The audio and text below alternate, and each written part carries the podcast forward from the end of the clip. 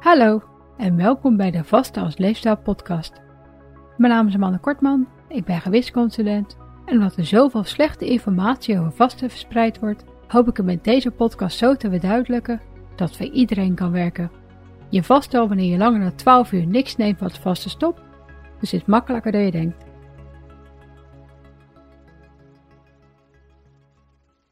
Welkom bij deel 2 van aflevering 44. In deel 1 heb ik de welvaartsziekte, insulineresistentie en hart- en vaatziekten besproken. En in deze aflevering focus ik op overgewicht en obesitas en de aan leefstijl gerelateerde kankersoorten. Zoals het je ongetwijfeld wel eens is opgevallen, neemt overgewicht langzaam maar zeker toe in de samenleving. En dat is gezien de obesogene omgeving niet heel erg gek, zoals ik ook in aflevering 26 heb besproken. Gezond eten wordt steeds duurder en het goedkope voedsel, wat bijna overal te koop is, is in zoverre ontdaan van de belangrijke vezels, eiwitten, vitamine, mineralen en antioxidanten dat ze amper vullen en haast verslavend lekker zijn, zodat je helemaal de neiging hebt om er te veel van te eten met overgewicht of zelfs obesitas als gevolg.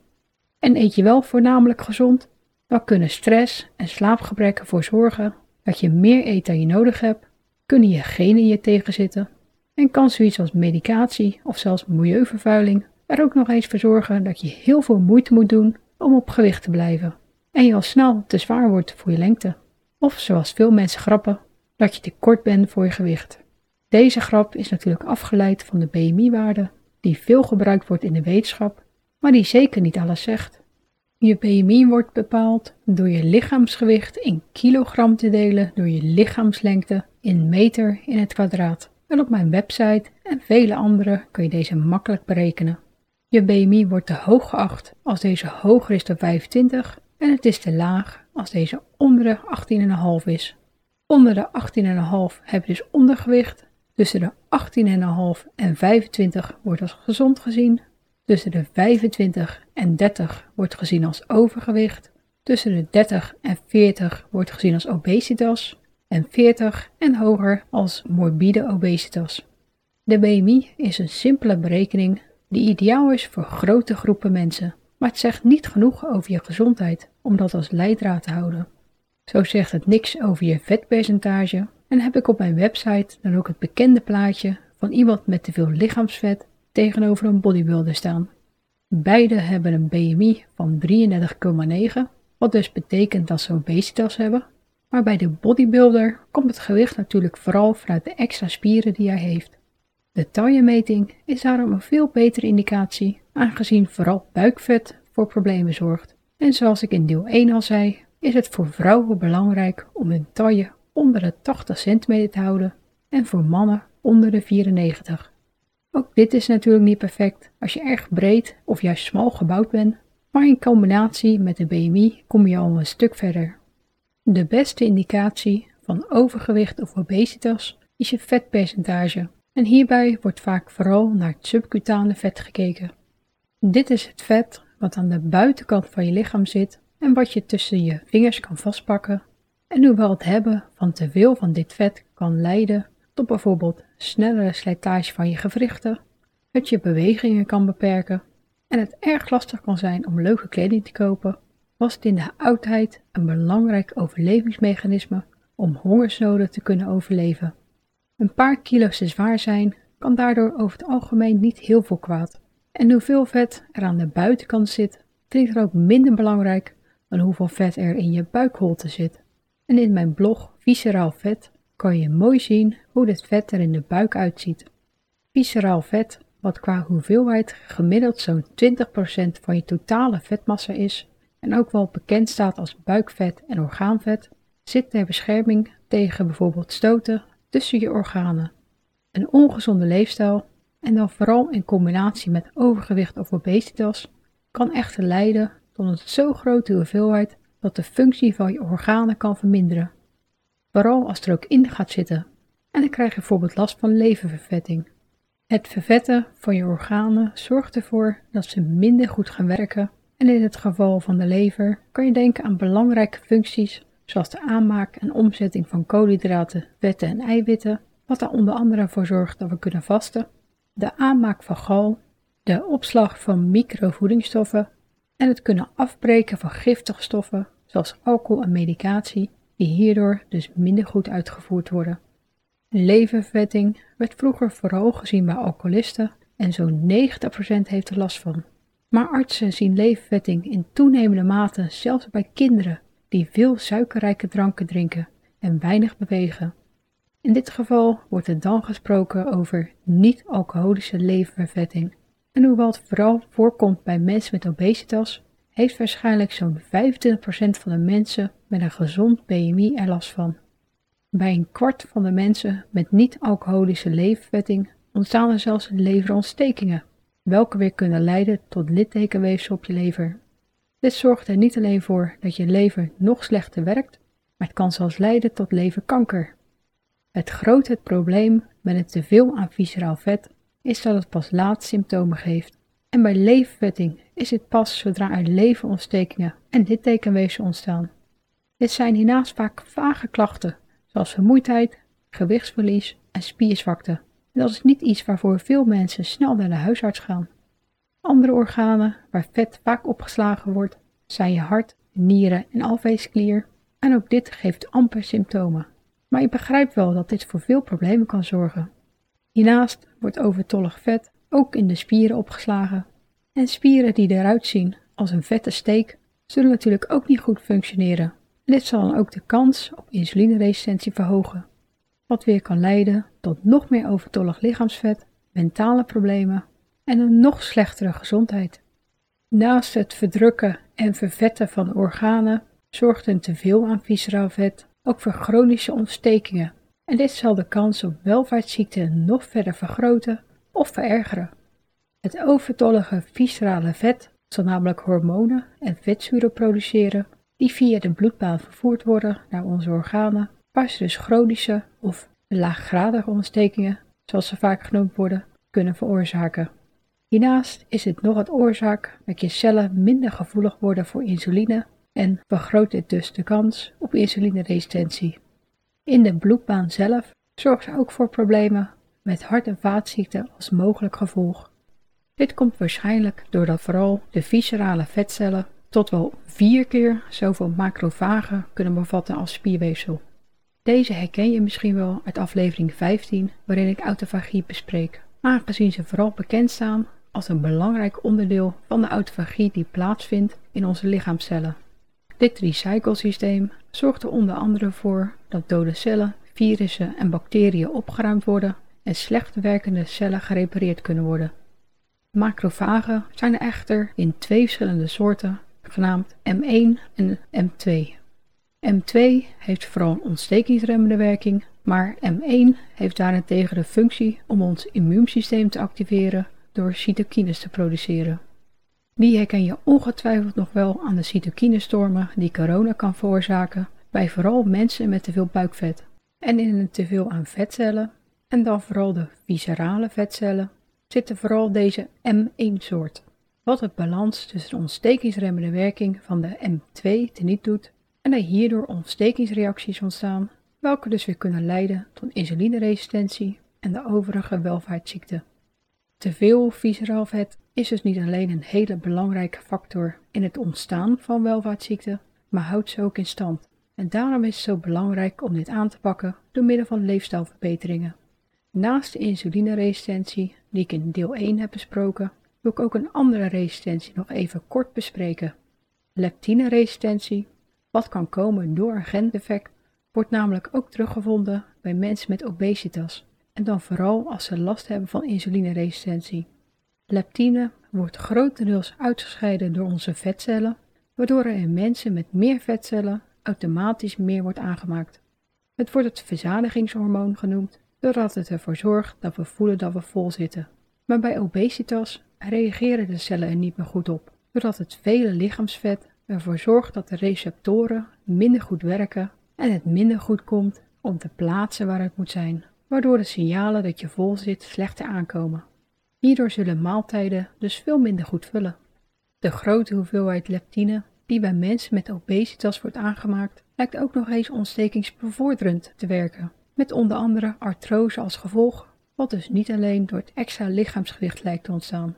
En als je hiernaast ook nog eens insulineresistentie hebt, snap ik wel dat afvallen een gigantische uitdaging is als je één van de vele diëten probeert te volgen. Beide resistenties zorgen er tenslotte voor dat je altijd honger hebt en door de vele ontstekingen die er in je lichaams plaatsvinden, kan je ook nog eens futloos gaan voelen. En dat helpt natuurlijk niet mee. Er is op dit moment nog geen medicatie voor, maar gelukkig wel voor diegene met het gendefect. Maar afvallen helpt net als bij insulineresistentie ook goed bij leptineresistentie. En in plaats van diëten wil ik je uiteraard aanraden om te gaan vasten. Na 12 uur vasten zien ze namelijk al dat de hoeveelheid leptine daalt.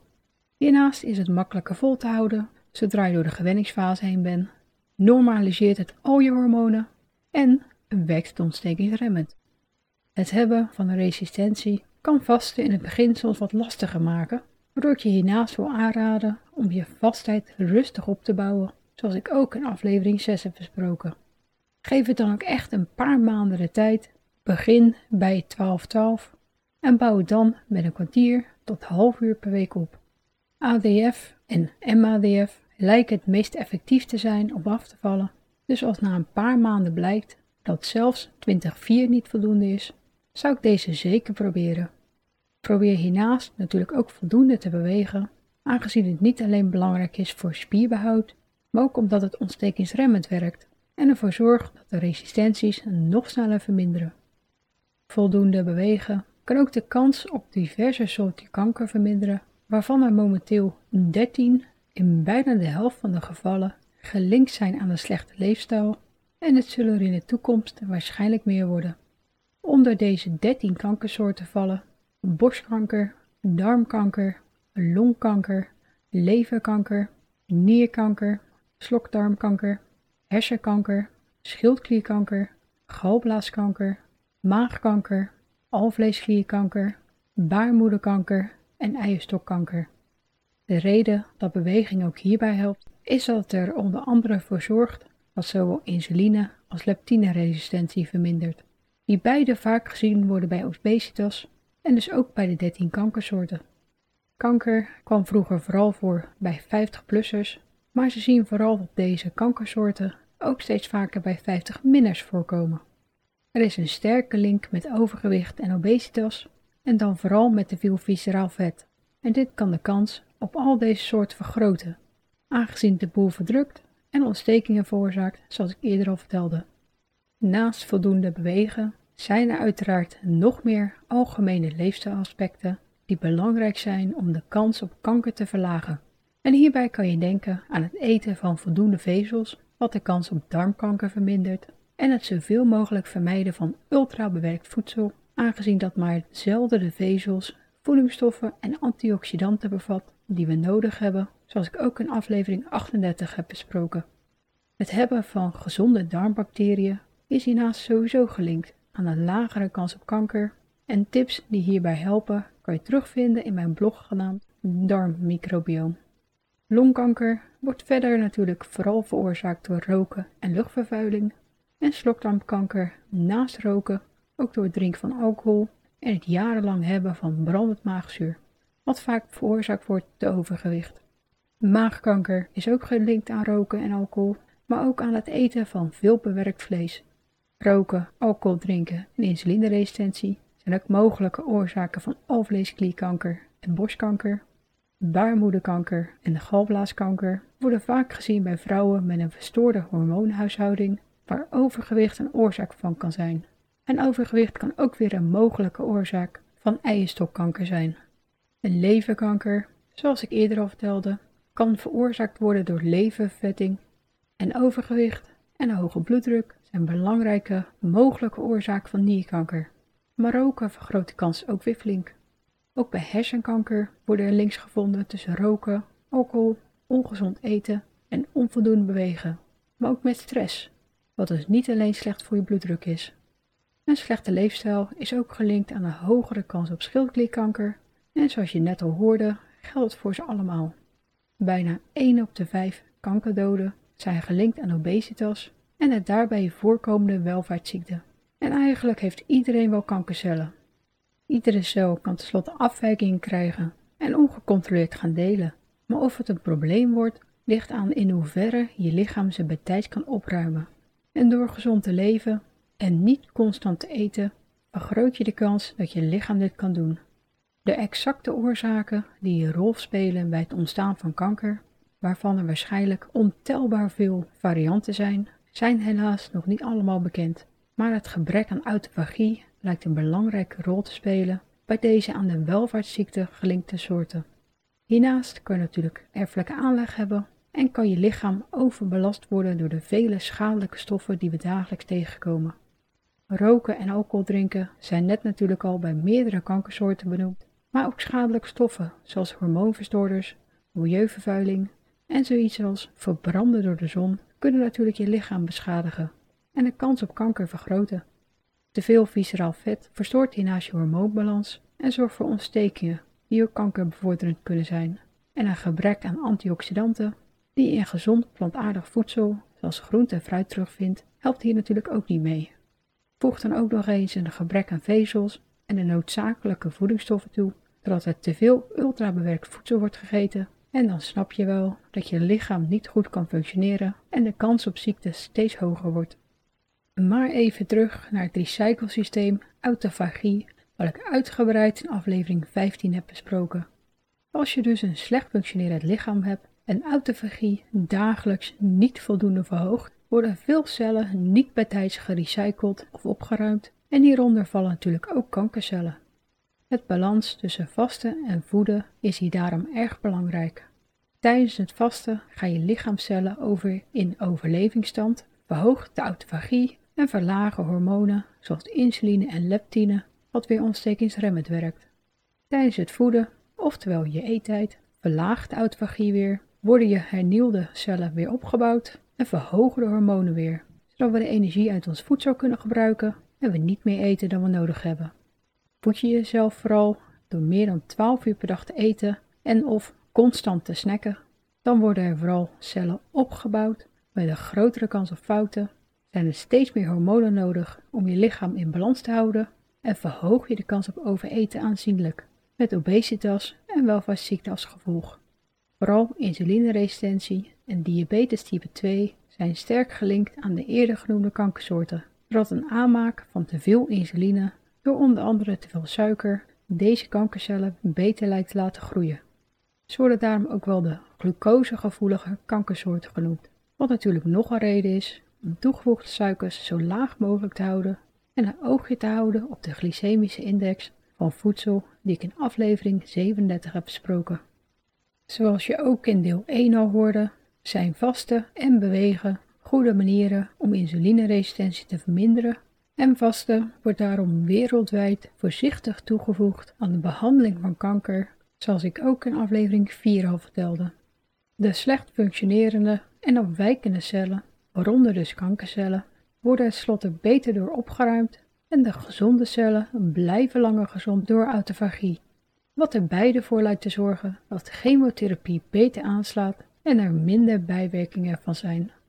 Proberen te voorkomen dat de kankercellen zich gaan vermenigvuldigen is natuurlijk het beste, maar helaas werkt vasten niet voor alle kankercellen, aangezien sommige soorten juist beter lijken te groeien bij een lage insulinehoeveelheid en daarom wil ik nog even extra benadrukken dat vasten vooral voor deze in de aflevering genoemde veelbelovend is, maar de onderzoeken ernaar staan natuurlijk nog in de kinderschoenen. Dus wat het beste vastschema is per glucosegevoelige kankersoort, waarvan er ook nog heel veel verschillende varianten zijn, is nog niet bekend. Vasten is hiernaast een milde stressor en als je flink verzwakt bent, kan het te veel voor je worden. Dit is trouwens wel een van de redenen dat het fasting mimicking diet oftewel Prolon, is ontwikkeld, wat ik in aflevering 35 heb besproken. En bij studies ernaar lijkt het bij kankerpatiënten voor goede resultaten te zorgen. Het is natuurlijk geen echt vaste, maar het is een goede tussenweg. Maar ook dat zou ik natuurlijk alleen starten in overleg met je arts en het voor de zekerheid bij maximaal 14 uur vasten per dag houden, zoals ik ook in aflevering 5 heb besproken. Bespreek vasten natuurlijk altijd met je arts en deel de links die ik hier in aflevering 4 toegevoegd heb als je arts er nog niet echt van op de hoogte is. Vasten wordt tenslotte nog steeds vaak als een dieethype gezien. naast de mogelijke oorzaken, die ik zo simpel mogelijk heb geprobeerd uit te leggen en waarvan je de processen in de links uitgebreid kan teruglezen, zien onderzoekers ook dat het vetrijk eetpatroon gelinkt is aan een grotere kans op kanker. Maar aangezien dat vaak een vetrijk en ultrabewerkt eetpatroon is, denk ik niet dat je je heel veel zorgen hoeft te maken zolang je vetten vooral bestaan uit de natuurlijke, zoals die in extra vierge olijfolie, noten, vis en volle zuivel zitten. Over rood onbewerkt vlees blijft de wetenschap heel verdeeld, maar daarvan is het advies toch al om bij hooguit 300 gram per week te houden, zoals ik ook bij deel 2 van aflevering 31 heb besproken. Voor de zekerheid kan het natuurlijk altijd lager houden door gewoon kleinere porties te nemen en wekelijks een paar vleesloze dagen te hebben. Bewerkt vlees is eigenlijk altijd ultra bewerkt, dus dat wil je sowieso zo laag mogelijk houden.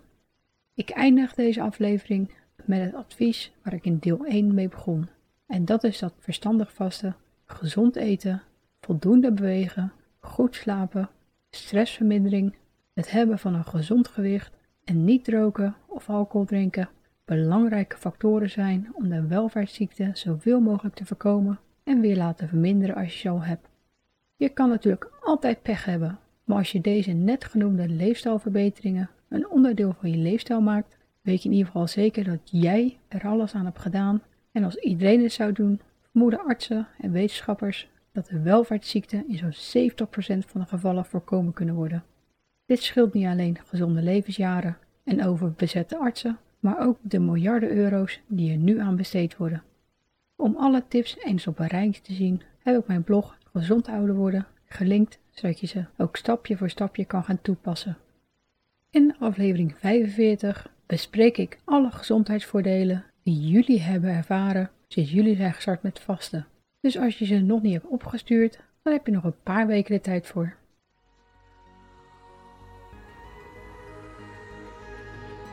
Bedankt voor het luisteren en vergeet niet dat je de onderwerpen en bronnen altijd in de omschrijving van de aflevering kunt vinden. Weet je niet zeker of sommige tips of adviezen ook voor jou geschikt zijn? Bespreek ze dan natuurlijk altijd met je arts. Heb je nog vragen of opmerkingen? Of heb je behoefte aan persoonlijke begeleiding? Kijk dan op valerien.nl voor meer informatie.